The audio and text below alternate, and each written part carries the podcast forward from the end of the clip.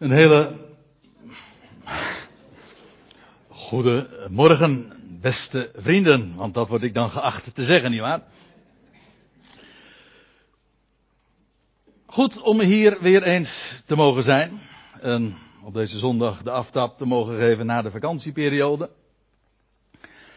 En het is alweer enige maanden geleden dat ik hier stond en ik wil u vanmorgen heel graag eens meenemen naar het gedeelte wat we zojuist hebben gelezen. Althans, daar hebben we een aantal versen uitgelezen, want de psalm is uh, nogal uh, lang, wat heet 29 versen dus in totaal. En ik heb het als titel meegegeven, zoals u hier achter mij ook ziet, de steen die de bouwlieden afkeurde. En dat is een deel van de frase van dat vers, wat is het? Vers 22 van die 118e psalm. Een psalm dat uh, de reputatie heeft, of die de reputatie heeft, de middelste psalm te zijn. Ik heb daar hele mooie powerpoints uh, al uh, zo in de loop der jaren over meegekregen. Die dan opgestuurd werden via de e-mail. En dan werd er verteld, Psalm 118 en meer specifiek, vers 8 is het middelste vers van de Bijbel. Dat is een heel mooi verhaal, want vers 8, dat is een schitterend vers, uiteraard. Het is beter bij de Heren te schuilen dan op mensen te vertrouwen. Nou, dat zou heel mooi zijn. En uh, de eerste bijdrage die ik vanmorgen wil leveren, is u deze mooie gedachte te ontnemen. Want het klopt namelijk niet, ik heb het juist vanmorgen, deze week is dat uh, mij eens een keer volgerekend, ook via het internet. Het is een hele klus trouwens hoor, om, om te gaan uh, berekenen wat het middelste hoofdstuk is, want dan moet je al die hoofdstukken bij elkaar gewoon optellen en dan. En wat blijkt dan? Dan is Psalm 118 niet het middelste hoofdstuk, maar Psalm 117. Wel makkelijk te onthouden trouwens. Want dat is de kortste psalm ook. Maar dat is dus het, precies het middelste Bijbelhoofdstuk. Ja, hoe het zo heeft kunnen komen dat dan dat verhaal de ronde doet, weet ik niet. Het is uh, slecht rekenwerk dan kennelijk. Maar ja, er zijn wel meer uh, van die christelijke mythen. Dit zijn trouwens hele onschuldig hoor, moet ik er meteen bij zeggen. Zo hoor ik ook heel vaak, als ik dan toch bezig ben. En dan gaan we meteen maar uh, even de diepte in. Maar uh, zo hoor ik ook heel vaak het verhaal van dat er 365 keer in de Bijbel zou staan, vrees niet. Voor elke dag één keer. Dat is een heel mooi verhaal en ik wil u van de inhoud wat dat dagelijkse, die dagelijkse steun betreft natuurlijk niet afpakken. Maar het klopt niet, want het, is, het, komt, het komt nog niet eens honderd keer voor. Dus hoe die gedachte dan toch uh, zo de ronde doet, heel simpel, met een eenvoudig bijbelprogrammaatje kun je gewoon dat uh, heel makkelijk nazien. Nou, maar uh, één ding is dan wel duidelijk, als Psalm 117 de middelste psalm is, dan is Psalm 118 dus het eerste hoofdstuk van het tweede deel. Trouwens, en dan moet ik het ook nog even bij zeggen, wat die hoofdstukindeling betreft, en dat geldt ook voor de versen, daar moet u zich verder helemaal niks van aantrekken. Want dat is later mensenwerk geweest en dat is prima, heel makkelijk om dingen terug te vinden, maar het heeft verder geen geïnspireerde waarde. Dat wil zeggen, het is niet zo dat dat in het origineel staat en dat dat van Gods wegen geïnspireerd is. Psalm 118, laat ik dan nog iets meer zeggen over deze psalm zelf. Maakt deel uit van een reeks psalmen, het zogenaamde Hallel. En daarvan is het dan weer de laatste psalm, psalm 113, 114, 115, 116, 117, 118. Die, dat wordt genoemd het Hallel, de lofzang. En dat, dat moet u kennen, of dat zou u kunnen herkennen als je leest bijvoorbeeld in Matthäus 26, maar je leest het geloof ik ook in Johannes, dat als de Heer Jezus in de nacht dat hij wordt overgeleverd de opperzaal verlaat met, uh, met de zijnen. En dan gaat hij naar de olijfberg toe en dan lees je, en na de lofzang gezongen te hebben, en dan is dat het Hallel. Dat wil zeggen, ze hebben dan de psalmen 113 tot en met 118 met elkaar gereciteerd of gezongen. Psalm 118. En ja, wat daar voor de rest over deze psalm te melden valt, in ieder geval niet de auteur, want die houdt zich verborgen. Dat wil zeggen, zijn naam wordt niet bekendgemaakt.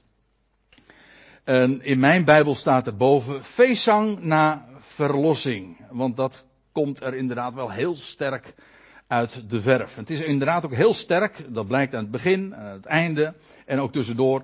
Heel sterk een lofzang. Loof de Heer, want Hij is goed. Ja, zijn goede tierenheid is tot in de Olaam, tot in, in, het, in de Aion die gaat komen. Dat wil zeggen,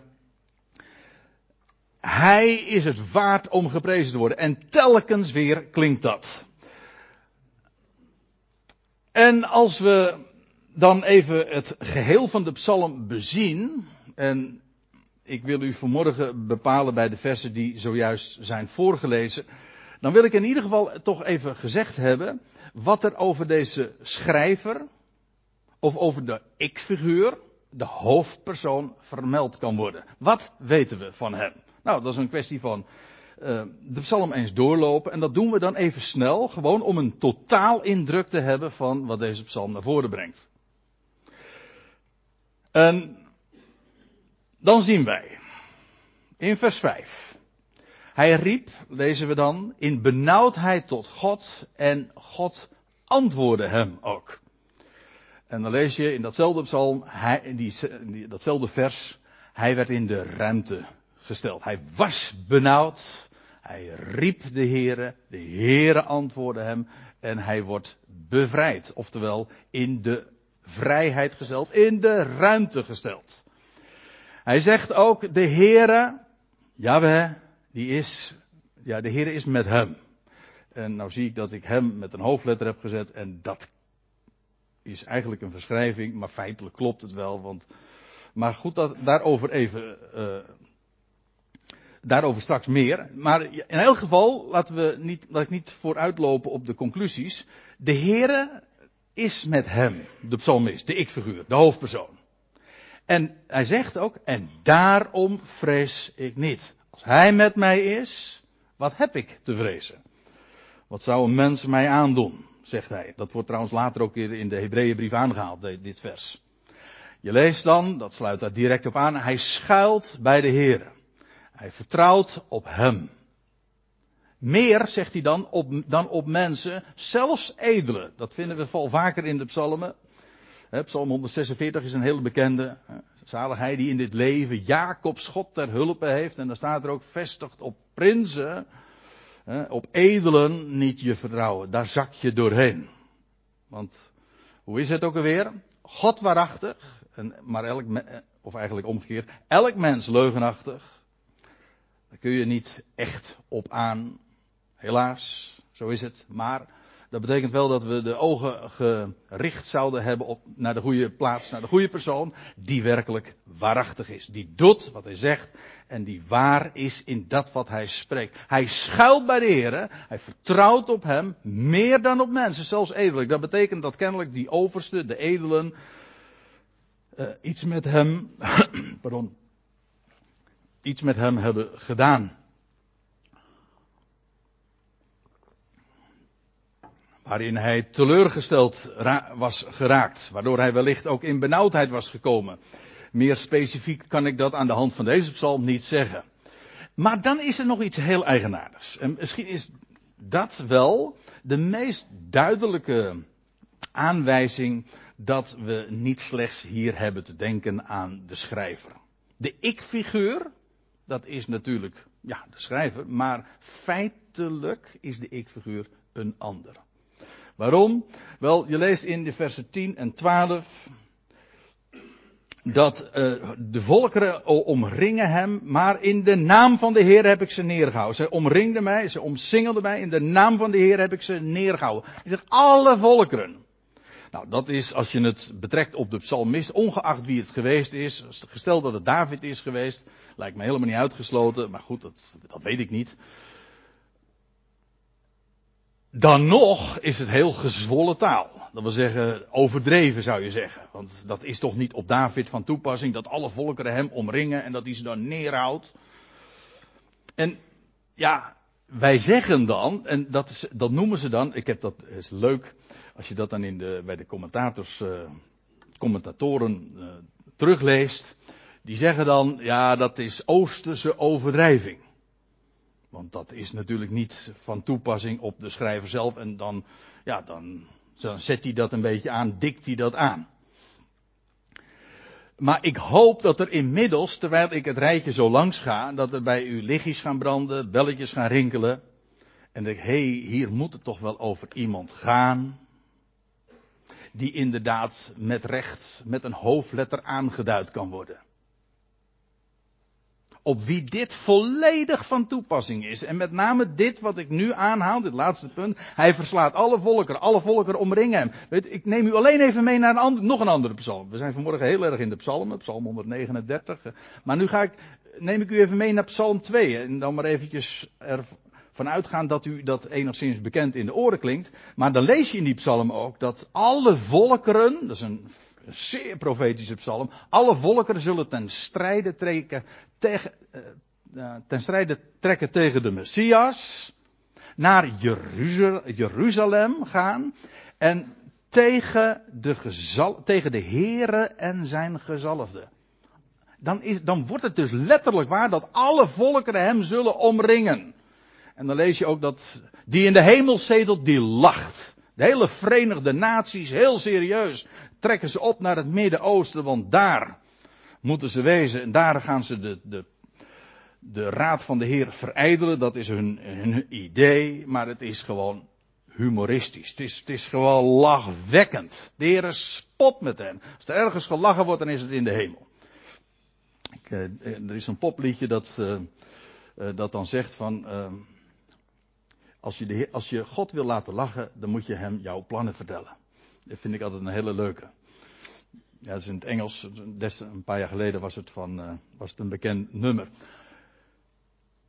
Als je, dat, geldt, dat geldt voor, uh, voor jouw persoonlijke plannetjes. Hè? Want u weet het, de mens wikt, God beschikt. Je kan ook zoveel voornemen en dan kun je een edele zijn en dan kun je de, voor mijn part de hele Verenigde Naties bij elkaar zijn. Nou, hoeveel macht uh, kun je samengebundeld hebben? Hoeveel militaire power allemaal bundelen? Het is gewoon peanuts. Het is gewoon lachwekkend. Het is gewoon te stupide om over te hebben. De Heer lacht. De Heer heeft een plan en hij realiseert. Hij, hij zegt dan ook in Psalm 2, ik heb mijn koning gesteld in Zion. Nou, en dat blijkt dus de Davidzoon die dan ook tevoorschijn zal komen en daadwerkelijk de heerschappij in deze wereld op zich zal nemen. Hij verslaat alle volkeren. En ik, ik heb hiermee feitelijk al duidelijk gemaakt over wie het natuurlijk moet gaan. Niet over David. Als die al de schrijver hier is geweest, dan heeft hij het niet over zichzelf, maar over zijn zoon. Maar hou me even vast. Ik lees nog even verder.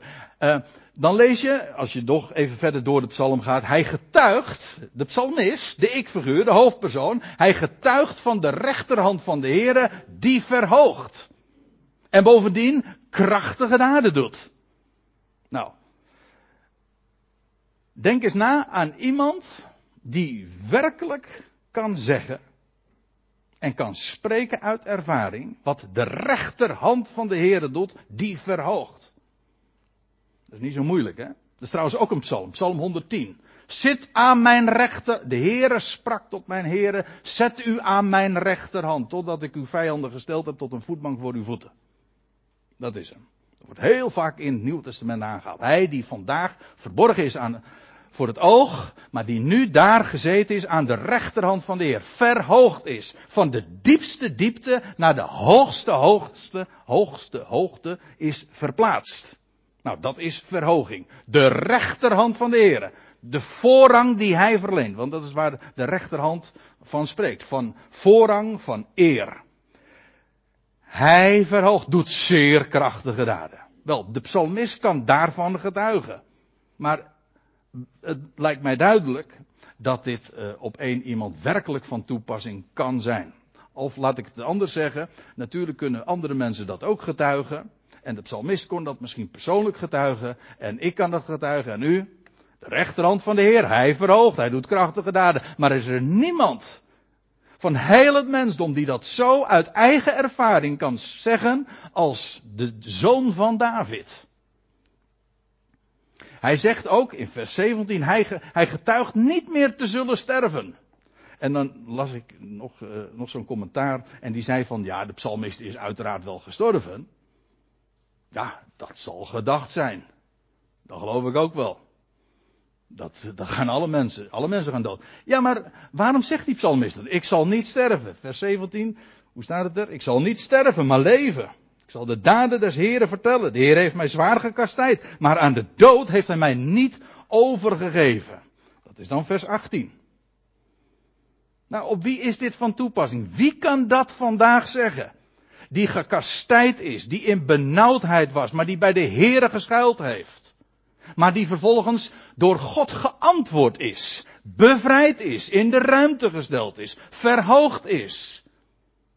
En nu inderdaad kan zeggen, niet meer te zullen sterven. Dan kun je zeggen van dat is gezwollen taal. Nee, het is geen gezwollen taal. Het is zo. Het is op één iemand van toepassing. In die zin is het dus heel makkelijk te volgen. Lees het. Neem het zoals het er staat. En het is gemakkelijk in te vullen. Je hoeft geen eens een keuze meer te maken. Er komt maar één figuur voor in aanmerking. En dat zeg ik met de grootste eerbied natuurlijk. Er is maar één iemand die in dat plaatje past. Niet, de dood voert, Romeinen 6 zegt Paulus. Hij is eens voor altijd gestorven. De dood voert geen heerschappij meer over hem. Nee, precies. Hij bracht onvergankelijk leven aan het licht. Wel, over hem hebben we het. En dan zal ik u nog iets, eh, iets vertellen. Want dan neem ik u even mee naar, naar Handelingen 2. En Petrus is daar aan het woord. Dat is de Pinksterdag. En in Jeruzalem, op het Tempelplein, staat hij daar. En dan citeert hij diverse psalmen. Dan citeert hij weer Psalm 16. En nog, eh, nog een aantal andere psalmen. En dan zegt hij, en dan geeft hij dit commentaar. Dat lijkt me een aardige sluitstuk van wat ik nou naar voren gebracht heb. En bevestigt precies waar ik het, wat ik, het punt wat ik nu probeer te maken. En dan is, ik val nu midden in dat gedeelte, maar dan zegt Petrus dit. Nadat hij dus een aantal citaten heeft gegeven, nou zo uit het hoofd mag ik aannemen, uit het, uit het boek, uit de boeken van de psalmen. Dan zegt hij, mannenbroeders, men mag vrijheid tot u zeggen van de aartsvader David, dat was de psalmist die hij citeerde. Men mag vrijheid tot u zeggen van de aartsvader David dat hij en gestorven en begraven is. Zijn graf is zelfs bij ons tot op deze dag. Kon het zo aanwijzen. Daar in Jeruzalem. Dus als David dan zegt ik, en dan zou je zeggen het gaat over hemzelf. Nee, het blijkt dus niet te gaan over hemzelf. Nou, ik, geef, ik ga verder, want Petrus is aan het woord. En dan zegt hij, daar hij nu een profeet was. En profetie, als je het in het Grieks leest, dat, is, dat betekent letterlijk, pro is voor, en dat andere deel heeft te maken met spreken, zeggen, voor zeggen. Letterlijk betekent profetie dus voor zeggen. Hij, kijk, wij zeggen dan, David, dat was een man die muzikaal was, tot je dienst. Het was een man die dichterlijke gaaf had. Het was een poëet. Tot je dienst. Maar hier zegt Petrus iets anders. Hij zegt, daar hij nu een profeet was. En wist dat God hem onder ede gezworen had. Dat doet God niet zo gauw hoor. Dat God een, God belooft. Maar hij zweert bij gelegenheid een eed. Een dubbele getuige roept hij erbij. Vandaar ook die twee vingers natuurlijk. En hij had, um, nou moet ik het goed lezen, daar hij nu een profeet was en wist dat God hem onder ede gezworen had, één uit de vrucht zijner lendenen, dat klinkt wat oud-Nederlands natuurlijk, maar goed, u begrijpt hem, dat, dat God één uit de vrucht van zijn lendenen, dat wil zeggen iemand die uit zijn lendenen zou voortkomen, elders heet dat heel uh, plastisch het zaad van David, dat moet je ook letterlijk nemen uit het zaad van David, één uit de vrucht zijner lendenen, op zijn troon te doen zitten. Oftewel, de zoon van David. En dan denken we niet aan Salomo, die was ook slechts een type. Dan denk ik aan hem, met wie, over wie het Nieuwe Testament gewoon ook zo begint. Toch? Hoe is het ook alweer? Matthäus 1, vers 1, gewoon het eerste vers van het Nieuwe Testament. Geslachtsregister van Jezus Christus, Jezus, de Messias. De zoon van Abraham, de zoon van David. Alsjeblieft, hier is die. Wel, daar hij nu een profeet was en wist dat God hem onder ede gezworen had één uit de vrucht van zijn lendenen op zijn troon te doen zitten, heeft hij in de toekomst gezien. Dat is wat een profeet doet. En eh, daar doet hij uitspraken over. En hij heeft gesproken van de opstanding van de Christus. En niet alleen dat, ook van al de heerlijkheid daarna. Niet alleen over het lijden dat over de Christus komen zou, maar ook alles wat daarop zou volgen. Psalm 118 past helemaal in dat lange lijstje van psalmen die messiaans zijn. Afgezien van het feit trouwens dat deze psalm, eh, maar dat zal ik straks ook nog laten zien, in het Nieuwe Testament heel wat keren wordt aangehaald. En direct en expliciet zelfs nog worden toegepast op Christus. Dus dat kan niet missen. Maar gewoon als je deze lijn volgt, gewoon vanaf het begin, dan blijkt het ook onmiskenbaar. David, hij sprak van hem die na hem zou komen, duizend jaar later pakweg. Ongeveer zoveel. Hij was een profeet. En daarover heeft hij gesproken. De ik-figuur van Psalm 118 is ten diepste letterlijk Christus zelf. Goed. Nou, dat was om even een totaal indruk te hebben van deze psalm. En dan haak ik nu aan bij vers 21. Ik moest een keuze daarin maken. Maar daar lees je dat hij zegt, ik loof u omdat gij mij geantwoord hebt. Ja, hij was in benauwdheid, ik heb het zojuist al naar voren gebracht. En dat wil zeggen, hij is van de dood bevrijd. En mij tot heil geweest zijt. mooi, want dat woordje heil, dat is een, eigenlijk een betrekkelijk oud Nederlands woord. Maar het betekent gewoon redding. En u ziet hier dat dat, ja, dat is een Hebreeuws woord, het is dit woord. Dat is heil, oftewel redding. En, maar ik heb er zo'n vierkantje omheen geplaatst. Waarom? Omdat daar niks anders dan de naam van Jezus staat. Gewoon letterlijk hetzelfde. De uitspraak is anders, maar het zijn exact dezelfde letters. Yeshua. Maar Yeshua betekent, ja, dat is de Hebreeuwse uitspraak van Jezus. Maar goed, ja, dat maakt nou. Er zijn zoveel talen, elke taal klinkt dat weer anders. Jesus, Jezus, Jezus, uh, Yeshua. Maar het is dezelfde. Dezelfde naam. Het betekent, Yahweh is redder. De naam van Jezus drukt precies uit wie God is. Namelijk redder. Hoe redt hij? Door en in hem. Hier staat gij zijt mij tot heil, tot Yeshua geweest. Hier, hier klinkt zelfs de naam door van hem over wie het allemaal gaat en wie het, om wie het draait. En dan komen we bij vers 22. En dat is met name dan toch wel het vers waar ik u bij wil bepalen. En dat ik ook al, waar ook de titel van deze studie, toespraak, uh, aan ontleend is. En dan zegt de psalmist dit. De steen die de bouwlieden versmaad hebben, die is tot een hoeksteen geworden. En als u dat uh, in uw Bijbeltje bekijkt en u hebt een Bijbel met, uh, met schriftverwijzingen, dan ziet u zo al 1, 2, 3, 4, 5, 6, 7 plaatsen waar dit gewoon letterlijk ook geciteerd wordt in het Nieuwe Testament. In de Evangeliën, in het boek Handelingen, in het boek Petrus. En het zou veel te ver voeren om dat uh, vanmorgen allemaal uh, te, te illustreren en te laten zien. Maar ik wil toch wel een paar, op een paar dingen wijzen. Eerst even dit. Laten we eventjes de, vers in stukjes hakken. Eerst dit. De steen. In het Hebreeuws staat daar een woord dat u allemaal hier wel goed kent. Er staat namelijk Eben. En Eben, dat betekent steen. Ja, dat had u eh, wel kunnen raden. Eben betekent steen. Eben Haezer betekent steen van de hulp. Steen der hulpen. En dat wordt dan uitgelegd als tot hiertoe heeft de Heer ons geholpen, maar de woord, als je het vertaalt, dan betekent het steen der hulp. E-ben. Dat is wel mooi, want als je de eerste twee letters neemt, dan staat er het Hebreeuwse woord voor vader, ab. En als je de laatste twee letters van het woord neemt, dan staat er ben. En uh, ben, dat is de, het woord voor zoon. Dus feitelijk is het e-ben, als je het zo leest, is het de zoon van de vader. En de e-ben, hij is een type van de zoon van de Christus. Maar ja, hoeveel voorbeelden wilt u hebben om dat geïllustreerd te zien? Hoe wantrouwend bent u? Of uh, hoeveel bewijzen wil u hebben? Daar zijn er vele van. Ik wil een, ik wil een twee voorbeelden geven. De eerste.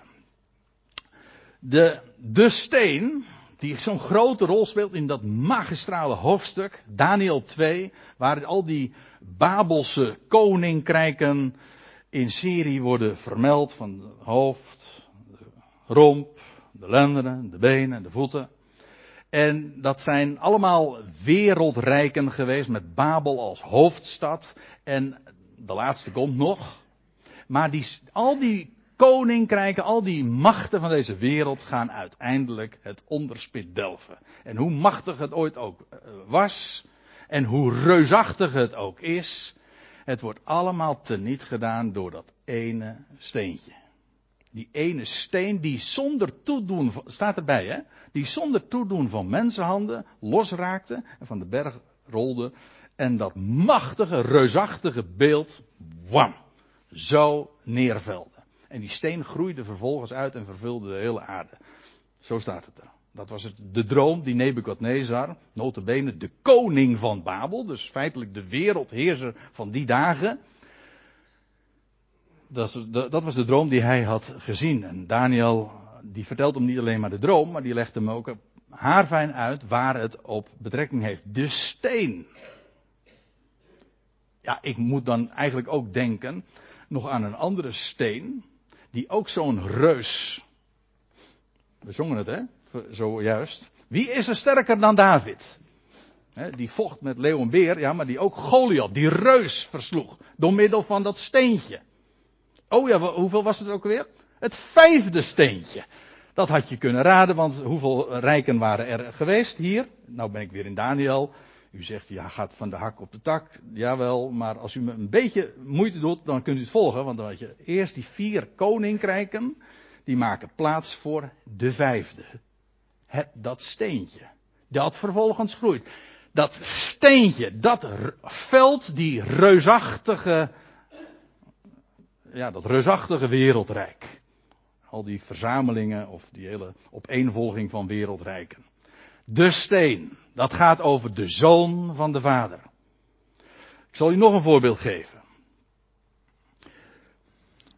Dan gaan we helemaal terug naar het eerste Bijbel, eh, Bijbelboek. Daar vind je in Genesis 28 Jacob die op de vlucht is voor zijn broer Esau. Nadat hij weer zo'n heleboel gedoe op, over zijn hals, op zijn hals gehaald had. Allemaal heel dom. Maar dan krijg, en dat vind ik zo mooi. En dan, want Jacob was niet te vertrouwen. Maar het is geweldig als je Jacobs God kent. Die je wel kunt vertrouwen. En dan krijgt hij een droom. Geen nachtmerrie, maar een droom. En dan ziet hij de hemel geopend. Dan ziet hij een stenen trap. Geen ladder, maar een stenen trap. En communicatie tussen de aarde en de hemel. Of tussen de hemel en de aarde moet ik zeggen. Het gaat van, het is top-down, van boven naar beneden. Precies tegenovergestelde van Babel. Daar gaat, van, daar gaat het van beneden naar boven, weet u wel. Daar willen ze een toren maken. Van hier af naar de hemel. Maar zo werkt het niet. God is het die het doet. Hij komt naar beneden. De mens klimt niet op. Het is niet, geen mensenwerk. Nou ja. En dan lees je, hij legde zijn hoofd, Jacob die legde dus zijn hoofd op een steen. En dan zou je zeggen, ja, goh, hij moet zijn hoofd toch ergens opleggen. Ja, maar dan zou ik hem niet op een steen leggen. Nee, maar daar zit iets achter en dat, blijkt ook wel. Want wat doet Jacob als hij dan vervolgens ontwaakt? Dan zegt hij van, dit is niets anders dan een huis gods. Deze plaats is geweldig. En dan, zet, dan lees je, hij zet die steen recht overeind. Wat is die, wat is die Jacob dan bijgelovig, zeggen wij? Nee, die man die wist gewoon dat die steen daar iets mee te maken had. Hij zag een stenen trap. Die, hij had zijn hoofd gelegd op een steen, als het ware eraan toevertrouwd. En dan, dan gaat God spreken. En dan, God had hem geen enkel verwijt gemaakt. En God zegt, jij mag nog zoveel doen en, en, en uh, op je hals halen. En en trucjes uithalen. Het is allemaal, ja, ik wou een, lelijk woord zeggen. Het is allemaal uh, mensenwerk. Stelt niets voor. Ik ga jou dit, dit land geven.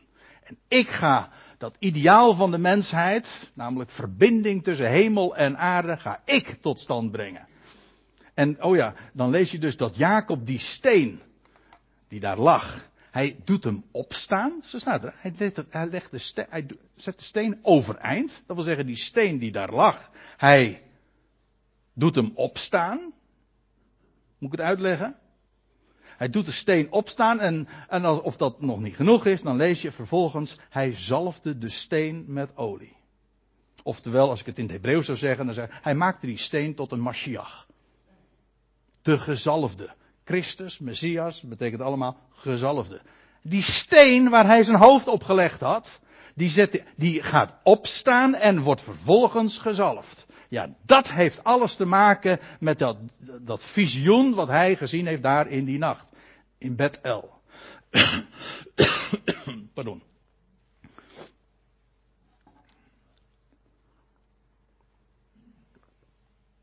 De steen. Nou, dan ben je toch in ieder geval al wat in de stemming gekomen om te weten van, ja, waarover moet het dan gaan? De steen. Dat is een hele messiaanse titel, eigenlijk. Of titel, een, een messiaanse verwijzing, een messiaanse metafoor. De steen. Er zijn er heel wat hoor. Maar eerst even verder. De steen, zegt, staat er dan, die de bouwlieden versmaad hebben. Hm. Maar die is tot een hoeksteen geworden. Met andere woorden, die bouwlieden, kijk, dat zijn de experts, de deskundigen. Als er één type mens is dat verstand geacht wordt te hebben van, van bouwstenen, waar je iets mee opbouwt, dan zijn dat toch bouwlieden. Die, ja, die hebben daar professioneel weet van. Waar? Maar, staat hier, hier is sprake van een steen die de bouwlieden, de experts, de deskundigen, zij die het geacht worden te weten, ze hadden hem versmaad, verworpen. Terzijde gezegd, nee, dat is niks, stelt niks voor. Komt niet in aanmerking voor ons bouwwerk. Nou, dat kon wel eens kloppen, dat laatste trouwens.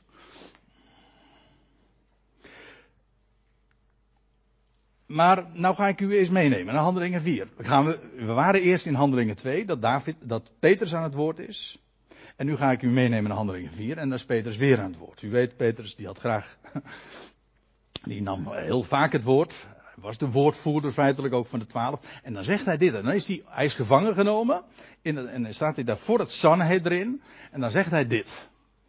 Toen zeide Petrus, vervuld van heilige geest tot hen, overste van het volk en oudste.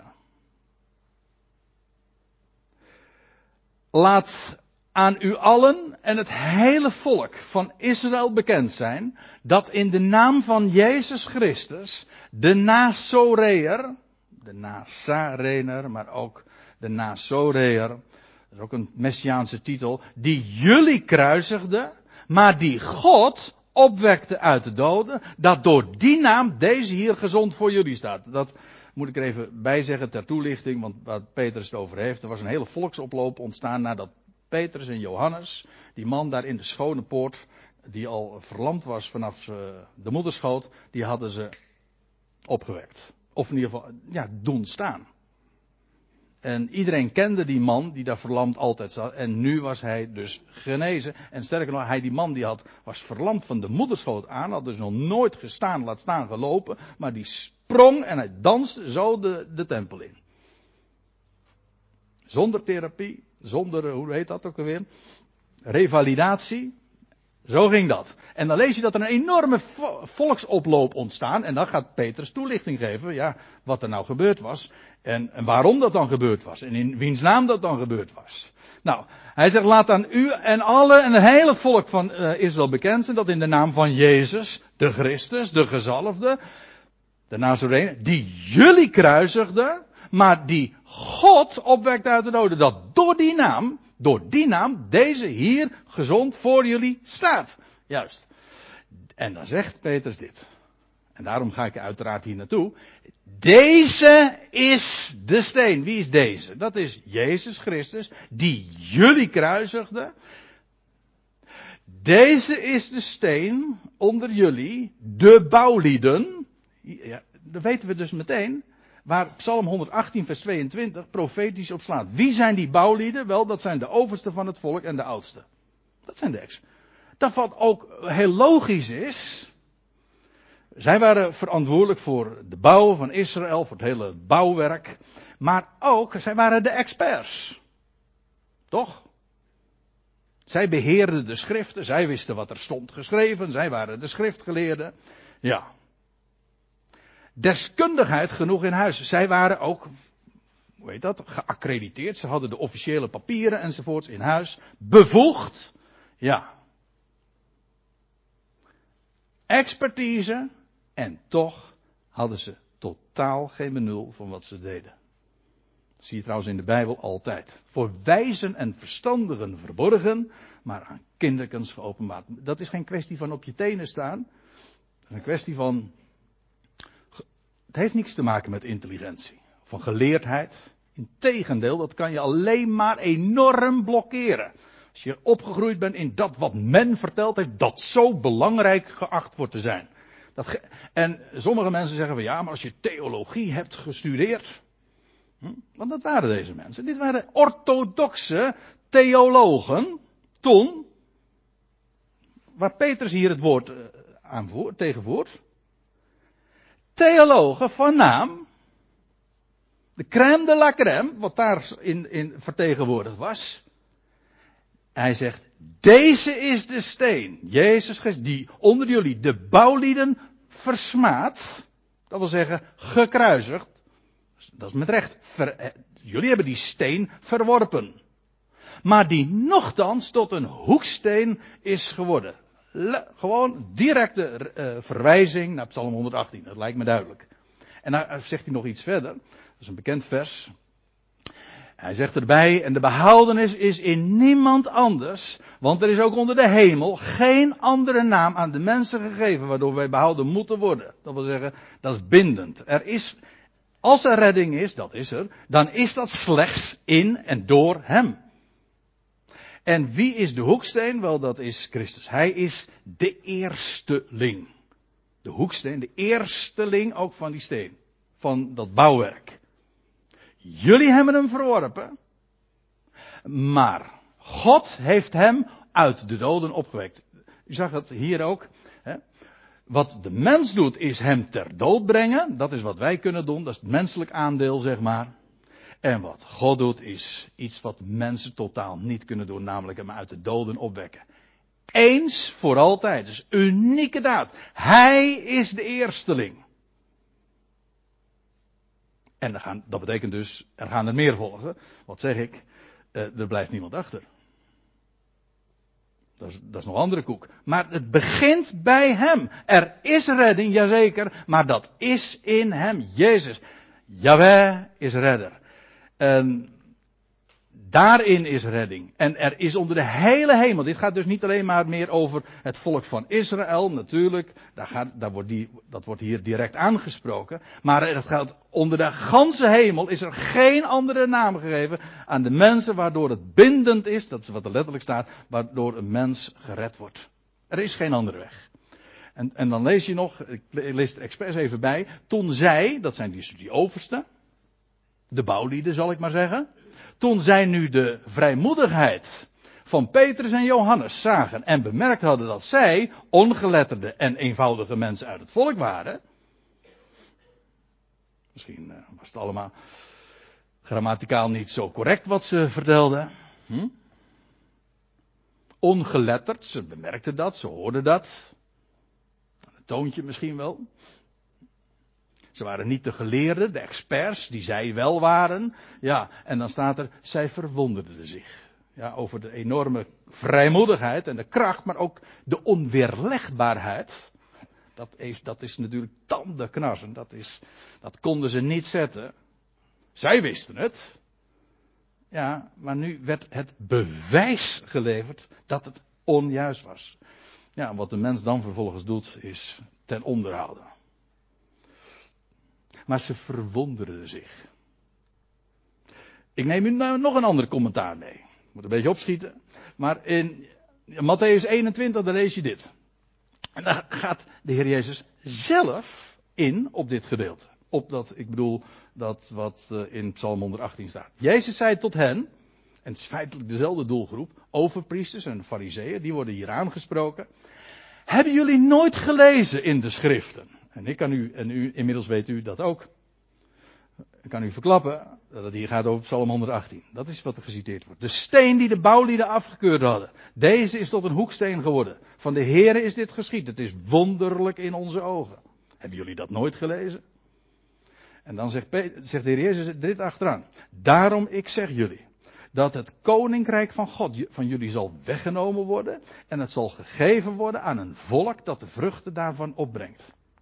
-hmm. Van jullie wordt het afgenomen. En nu wordt het gegeven aan een volk dat wel de vruchten daarvan opbrengt. En dan staat er nog iets heel onaangenaams bij. Er is redding in die steen, ja, maar het is ook levensgevaarlijk als je je daaraan verteelt. Dat is weer een verwijzing naar nog een andere, andere schriftplaats. Er staat erbij, en wie op deze steen valt, zal verpletterd worden, en wie op, op wie hij valt, zal hij vermorzelen. Dat is ook letterlijk uh, uh, vervuld. Of ik bedoel, zo duidelijk, want 40, precies 40 jaar later, in het jaar 70, generatie later, is de stad en de tempel, waar de, wat de Heer deze woorden ook uitsprak, is geheel met de grond gelijk gemaakt. Was een verpletterende ervaring. Het was het einde toen van de Joodse natie. Wat zeg ik van de stad Jeruzalem, maar ook van de tempel. Is geheel in vlammen opgegaan. En er zijn meer dan miljoen Joden toen allemaal over de kling gejaagd. Het, uh, dat zou dus slechts enkele decennia later werkelijk vervuld worden. Maar goed, ik lees even verder. Ik ga nu naar Psalm 118. De steen die de bouwlieden versmaad hebben, die is tot een hoeksteen geworden. Ja, letterlijk staat er Rosh Pina in het Hebreeuws. Dat betekent hoofd des hoeks. Een hoofd van een hoek. En ja, er is wat uh, verschil van inzicht dan over wat dat dan precies zou betekenen. Maar de gedachte dan is dat dat en betrekking heeft op de fundering, de funderingssteen. De eerste steen dus. Ik, ik, heb er, ga er niet naartoe, maar ik heb u een aantal schriftplaatsen bijgegeven waarbij je dat ook inderdaad ziet. Dat het gaat om het fundament. De eerste steen. Maar het is dat niet alleen de eerste steen, het is ook nog eens een keer de sluitsteen. Of wij zouden zeggen de gevelsteen. Of wat dacht je van de topsteen? Dat is ook een mooie. Van een, bijvoorbeeld van een piramide.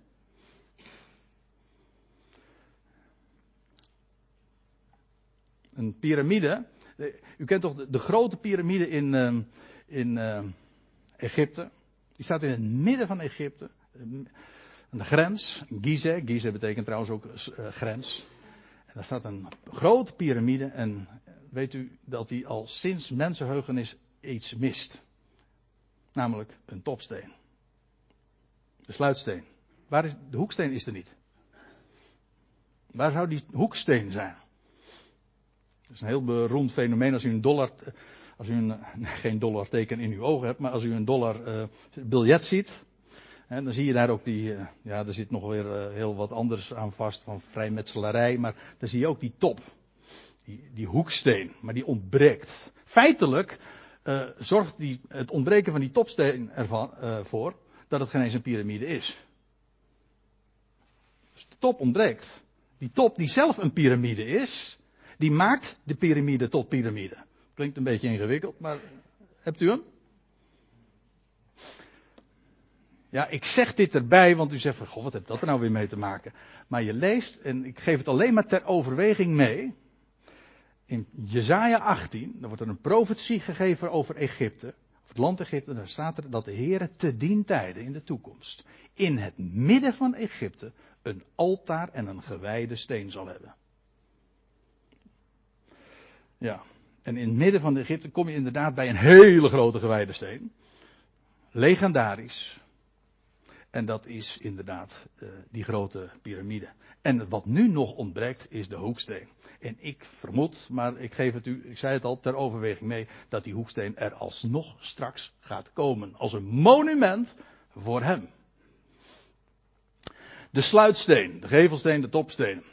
Paulus zegt in Efeze 2, ik citeer het maar, zo zijn jullie, vers 19 zegt hij, zo zijn jullie dan geen vreemdelingen en bijwoners meer, hij spreekt tot de natieën, maar medeburgers van de heiligen en huisgenoten van de God. En dan komt het, gebouwd op het fundament van de apostelen en de profeten, terwijl Christus Jezus zelf de hoeksteen is. En hier gaat het dan inderdaad uh, over de sluitsteen in de uiterste hoek. Dus ongeacht hoe je die hoeksteen ook opvat, namelijk als de eerste steen of als, als de laatste steen, uh, in beide gevallen klopt het. Hij is de eerste en de laatste. Ja, dat, en uh, daarom doe ik niet mee aan die discussie of het nou de eerste of de laatste is, want het klopt namelijk beide. Hij is de fundering, een ander fundament dan dat hij, dan hij uh, is er niet, daar kan niet op gebouwd worden. Maar hij is ook de hoeksteen, de sluitsteen. Ja, en weet u wat zo geweldig is? Dat terwijl Israël de steen afwees, dat God vervolgens het koninkrijk gaf aan een volk dat wel de vruchten droeg. En feitelijk gaat dat over dat wat God in onze dagen doet. Er staat, van de, er staat er nog achter, van de Here is dit geschied. Dat wil zeggen, dat de, de bouwlieden de steen hebben afgekeurd, maar niettemin die, die afgekeurde steen werd tot hoeksteen. De eerste en de laatste. Kortom, het, eigenlijk waar het hele gebouw op rust en waar het ook helemaal om gaat. En er staat van de Heer is dit geschied. Het is wonderlijk in onze ogen. Verbazingwekkend. En ook we hadden dit nooit verwacht. Het was verborgen. Maar ik hoop dat u begrijpt dat dit natuurlijk ook inderdaad wonderlijk is verborgen. Men zegt, kijk, als Paulus zegt in Efeze 2, die hoeksteen, dat is Christus. Maar wat doet God vandaag?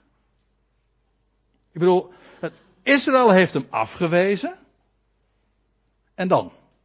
Maar niettemin heeft God heeft hem tot hoeksteen gemaakt. En wat God vandaag doet, is een bouwwerk maken. Een huis. Een geestelijk huis, verborgen. Alles is verborgen in deze tijd. En hij is de hoeksteen daarvan. De eerste, de laatste. En God bouwt vandaag een huis. In het verborgene. Onder de natie. En feitelijk staat dat al in Psalm 118. Dat is wat ik eigenlijk wil vertellen. U zegt, ja, maar het staat er wel verborgen. Dan zeg ik, precies. Dat bedoel ik. Het is verborgen. En wat Paulus dan doet, is de verborgenheid aan het licht brengen. Kijk, waar, waar, is, waar is het dan wel verborgen? Nou, bijvoorbeeld in Psalm 118, vers 22 en 23. Daar is het verborgen. En als, je, en als het verborgen is, dan kan het ontdekt worden. Als, je de bedekking, als de bedekking wordt weggenomen, dan wordt dat zichtbaar. Van de Heere is dit geschied. Het is wonderlijk in onze ogen. Dit is de dag, staat er dan, die de Heere gemaakt heeft. Laten we juichen en ons daarover verheugen. Is een mooie. We gaan hem straks trouwens ook zingen. Er is nog een hele bekende andere evangelische variant van dit lied. Vroeger, het was zo'n evangelische evergreen. Dit is de dag, dit is de dag, dit is de dag die de Heer ons geeft. Maar welke dag? Nou, ik kan niet anders inzien dan als ik het gewoon in zijn verband bekijk. Welke dag? Dat is, gaat over de dag waarin dat wonderlijke van vers 22 en 23 gerealiseerd wordt of voltrekken wordt, voltrokken wordt. Namelijk waar de bouwlieden de steen afwijzen, maar niettemin God maakt die, die verworpen steen tot een hoeksteen. Dat is wonderlijk. Dit, en waarover gaat het wel? Wanneer wordt dat? Dit is de dag die de Heere gemaakt heeft. Laten wij juichen ons daarover verheugen.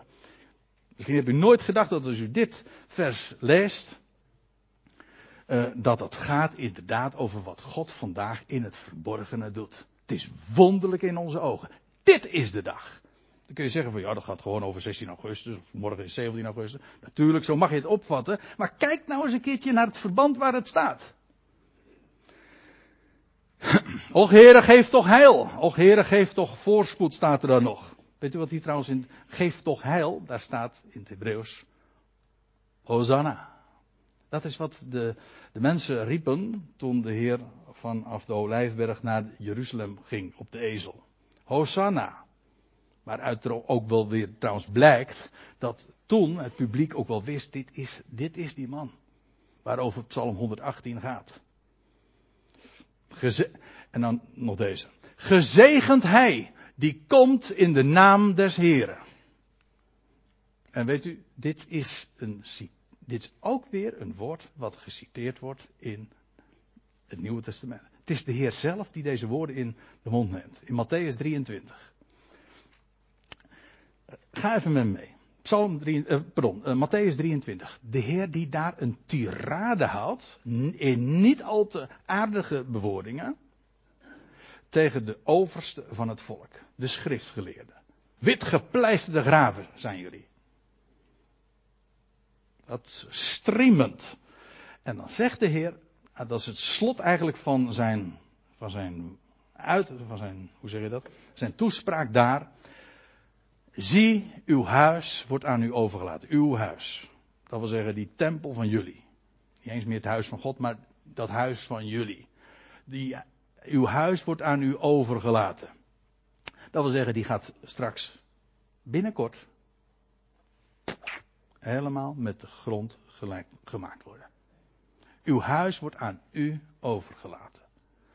Want, zegt de Heer dan, en dit is vlak voor zijn sterven, dat hij dit tegen het volk nog zegt. Het zijn, eigenlijk zijn laatste openbare optreden. Want zegt hij, want ik zeg u, gij zult van mij van nu aan niet meer zien. Aan publiek. Over en uit. Nee, staat achter.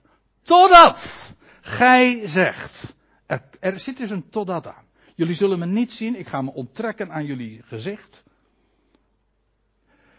Maar er komt een moment dat jullie weer gaan zeggen. En als dat gaat gebeuren, als jullie gaan zeggen. Totdat gij zegt, gezegend hij die komt in de naam des Heeren. Waar staat dat? Nou, we zagen het net in Psalm 118. Totdat jullie zeggen, gezegend hij die komt in de naam van de Heer. Met andere woorden, dan zullen jullie me weer zien. Dus voorlopig ben ik er niet meer. Maar ik kom terug. I'll be back. En jullie zullen me zien. Totdat jullie zeggen, gezegend hij die komt in de naam des Heer. Ja, dat is een hint geloof ik hè. de hint heb ik opgepakt, maar ik heb nog een dia ook. Ja, oh, dat is waar ik mee wilde afsluiten uh, in Romeinen 9. Ja, kom er maar bij, jongens.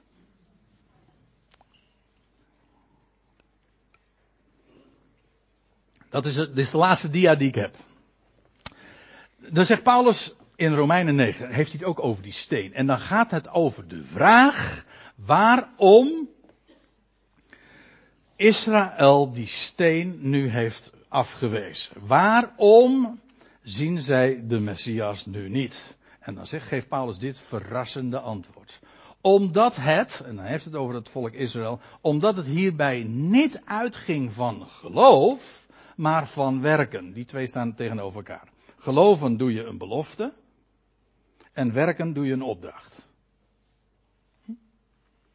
Doe dat en dan kun je gaan werken. Als ik iets beloof, dan kun je dat alleen maar geloven. Wel, dat is, uh, dat is de bottleneck. En dan staat er, zij hebben zich gestoten aan de steen des aanstoots. Dat, dat is die steen. De hoeksteen is ook een, een aanstotelijke steen, waar ze over gestruikeld zijn.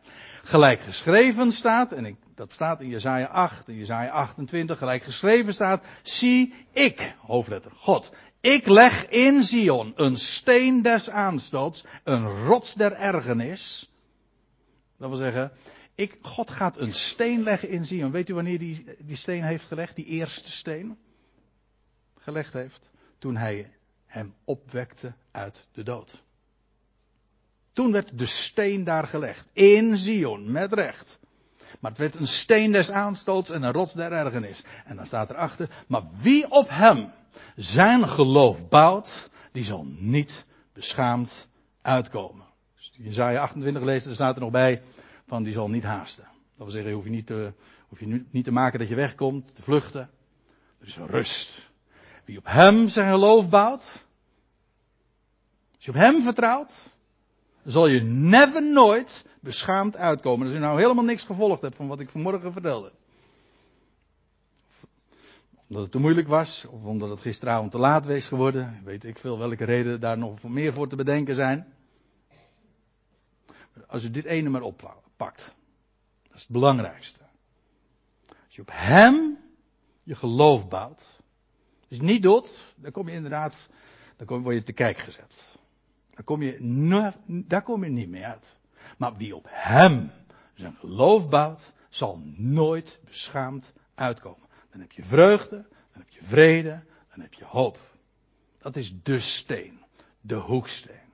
En wat een geweldig voorrecht om hem te mogen kennen. Inderdaad. Amen.